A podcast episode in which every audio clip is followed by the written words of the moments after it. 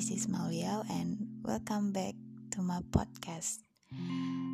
Gila, udah dua bulan gue tidak mengisi podcast gue Dan bener-bener kayak cuma satu episode aja Dan akhirnya gue kembali ke rumah gue Dan berharap podcast kali ini bisa bikin impact yang baik.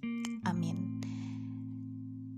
Jadi teman-teman Kalian pernah gak sih ngerasa kalau misalkan diri kalian itu aneh, freak, apa banget sih, nggak jelas, atau apa pun itu yang ujungnya bakalan mikir gitu, kalau kalian tuh nggak normal atau beda dari yang lain.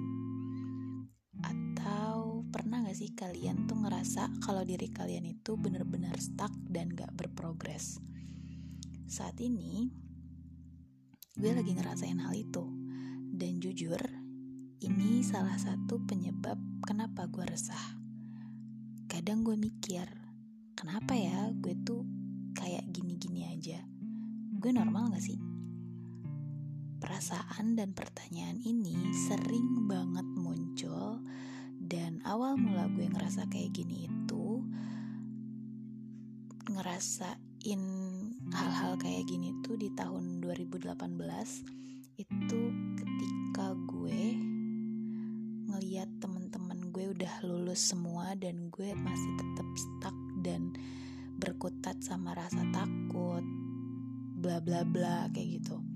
Ketika gue ngeliat sahabat-sahabat gue udah melangkahkan kaki mereka keluar dari kampus dan gue masih gak ngelakuin apa-apa gue malah meninabobokan rasa malas di dalam diri gue gue malah memanjakan rasa malas dan takut ketemu sama dosen dan gue pelihara sifat menunda-nunda dan itu bikin gue jalan di tempat gitu.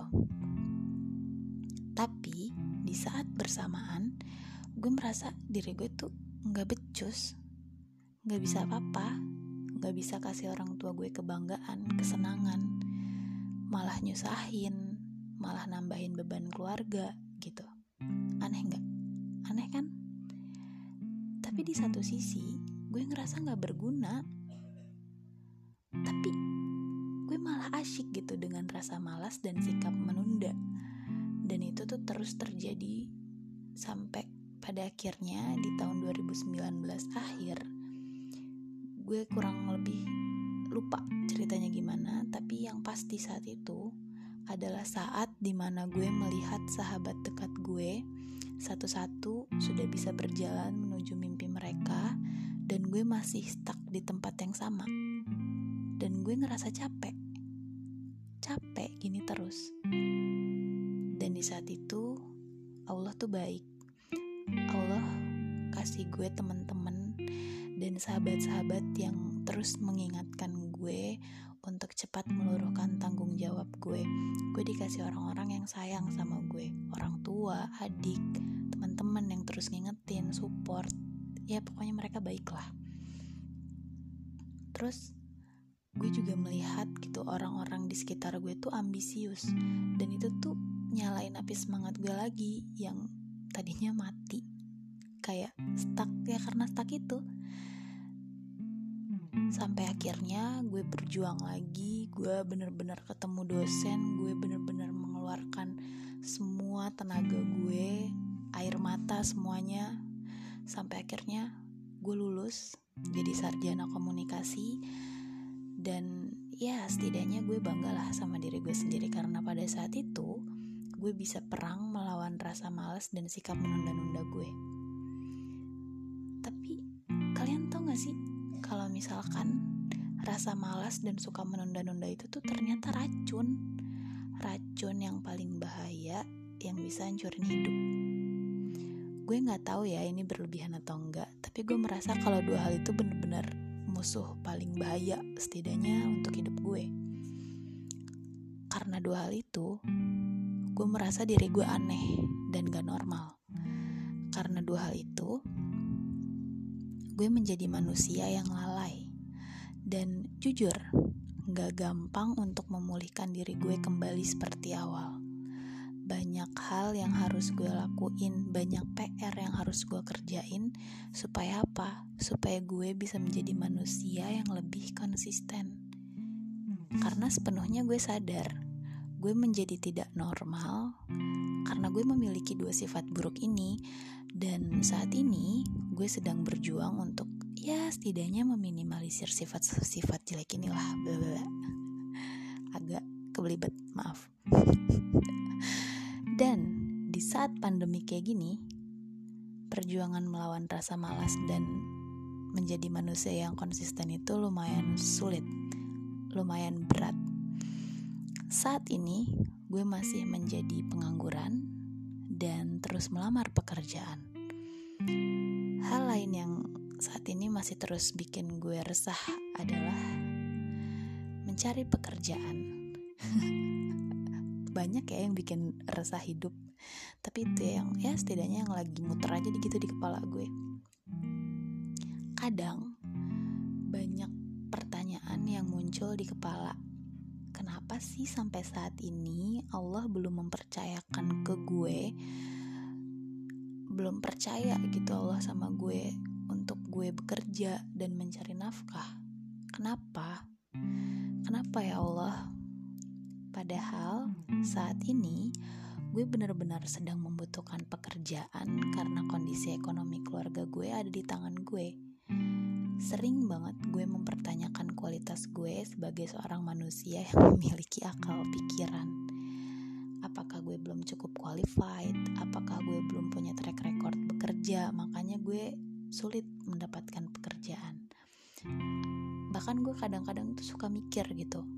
Apakah dosa masa lalu gue yang menghalangi gue sehingga gue benar-benar kepayahan mencari pekerjaan atau apakah hutang-hutang yang belum bisa gue lunasi menjadi tembok besar sehingga gue bener-bener kesusahan kayak gini gitu masih banyak pertanyaan-pertanyaan yang ya bikin gue galau. Yang kadang bikin gue mikir iya iya apakah gue normal? gitu. Di usia gue yang sekarang gue masih belum bisa survive. Jangankan bantu keluarga untuk diri sendiri pun kadang gue masih terseok-seok gitu gue masih kepayahan. Tapi setelah gue mikir mungkin ini adalah buah dari rasa malas dan sikap menunda yang gue tanam di, dal di dalam diri gue bertahun-tahun yang lalu itu.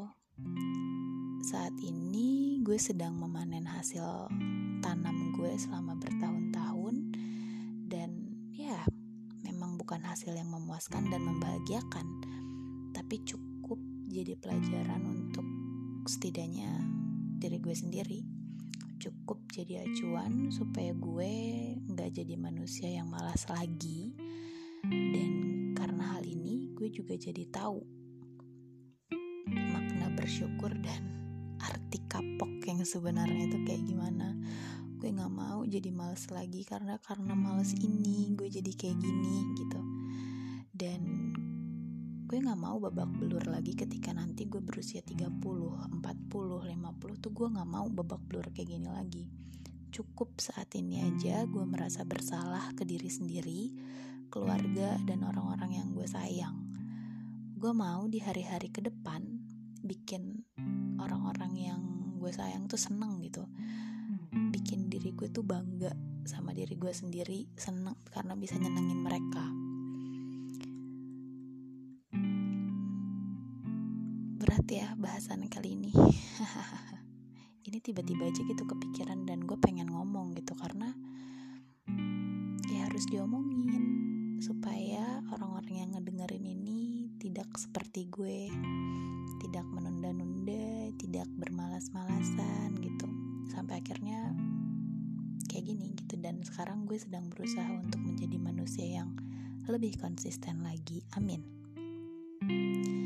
Dan untuk kalian yang hati dan perasaannya pernah gue lukai, siapa pun itu yang ngedenger ini yang pernah gue lukai, gue meminta maaf Maaf karena mulut dan tindakan gue saat itu tidak bisa gue jaga sehingga kalian merasa sakit hati. gue meminta maaf atas segala perbuatan di masa lalu gue. Maaf atas tutur kata dan perbuatan yang jauh dari kata benar.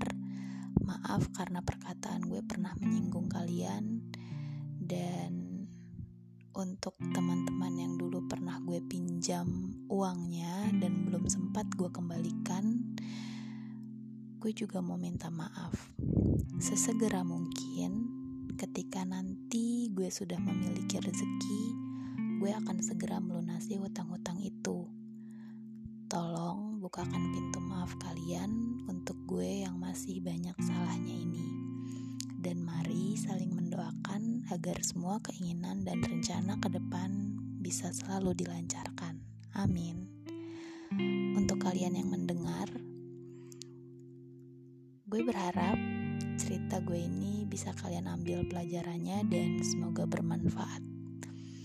Semoga kebaikan terus bersama kalian terima kasih. Bye bye see you. Bukan see you ya. Pokoknya semoga gue minggu-minggu ini bisa bikin podcast lagi dan bisa produktif lagi. Amin. Bye bye teman-teman. thank you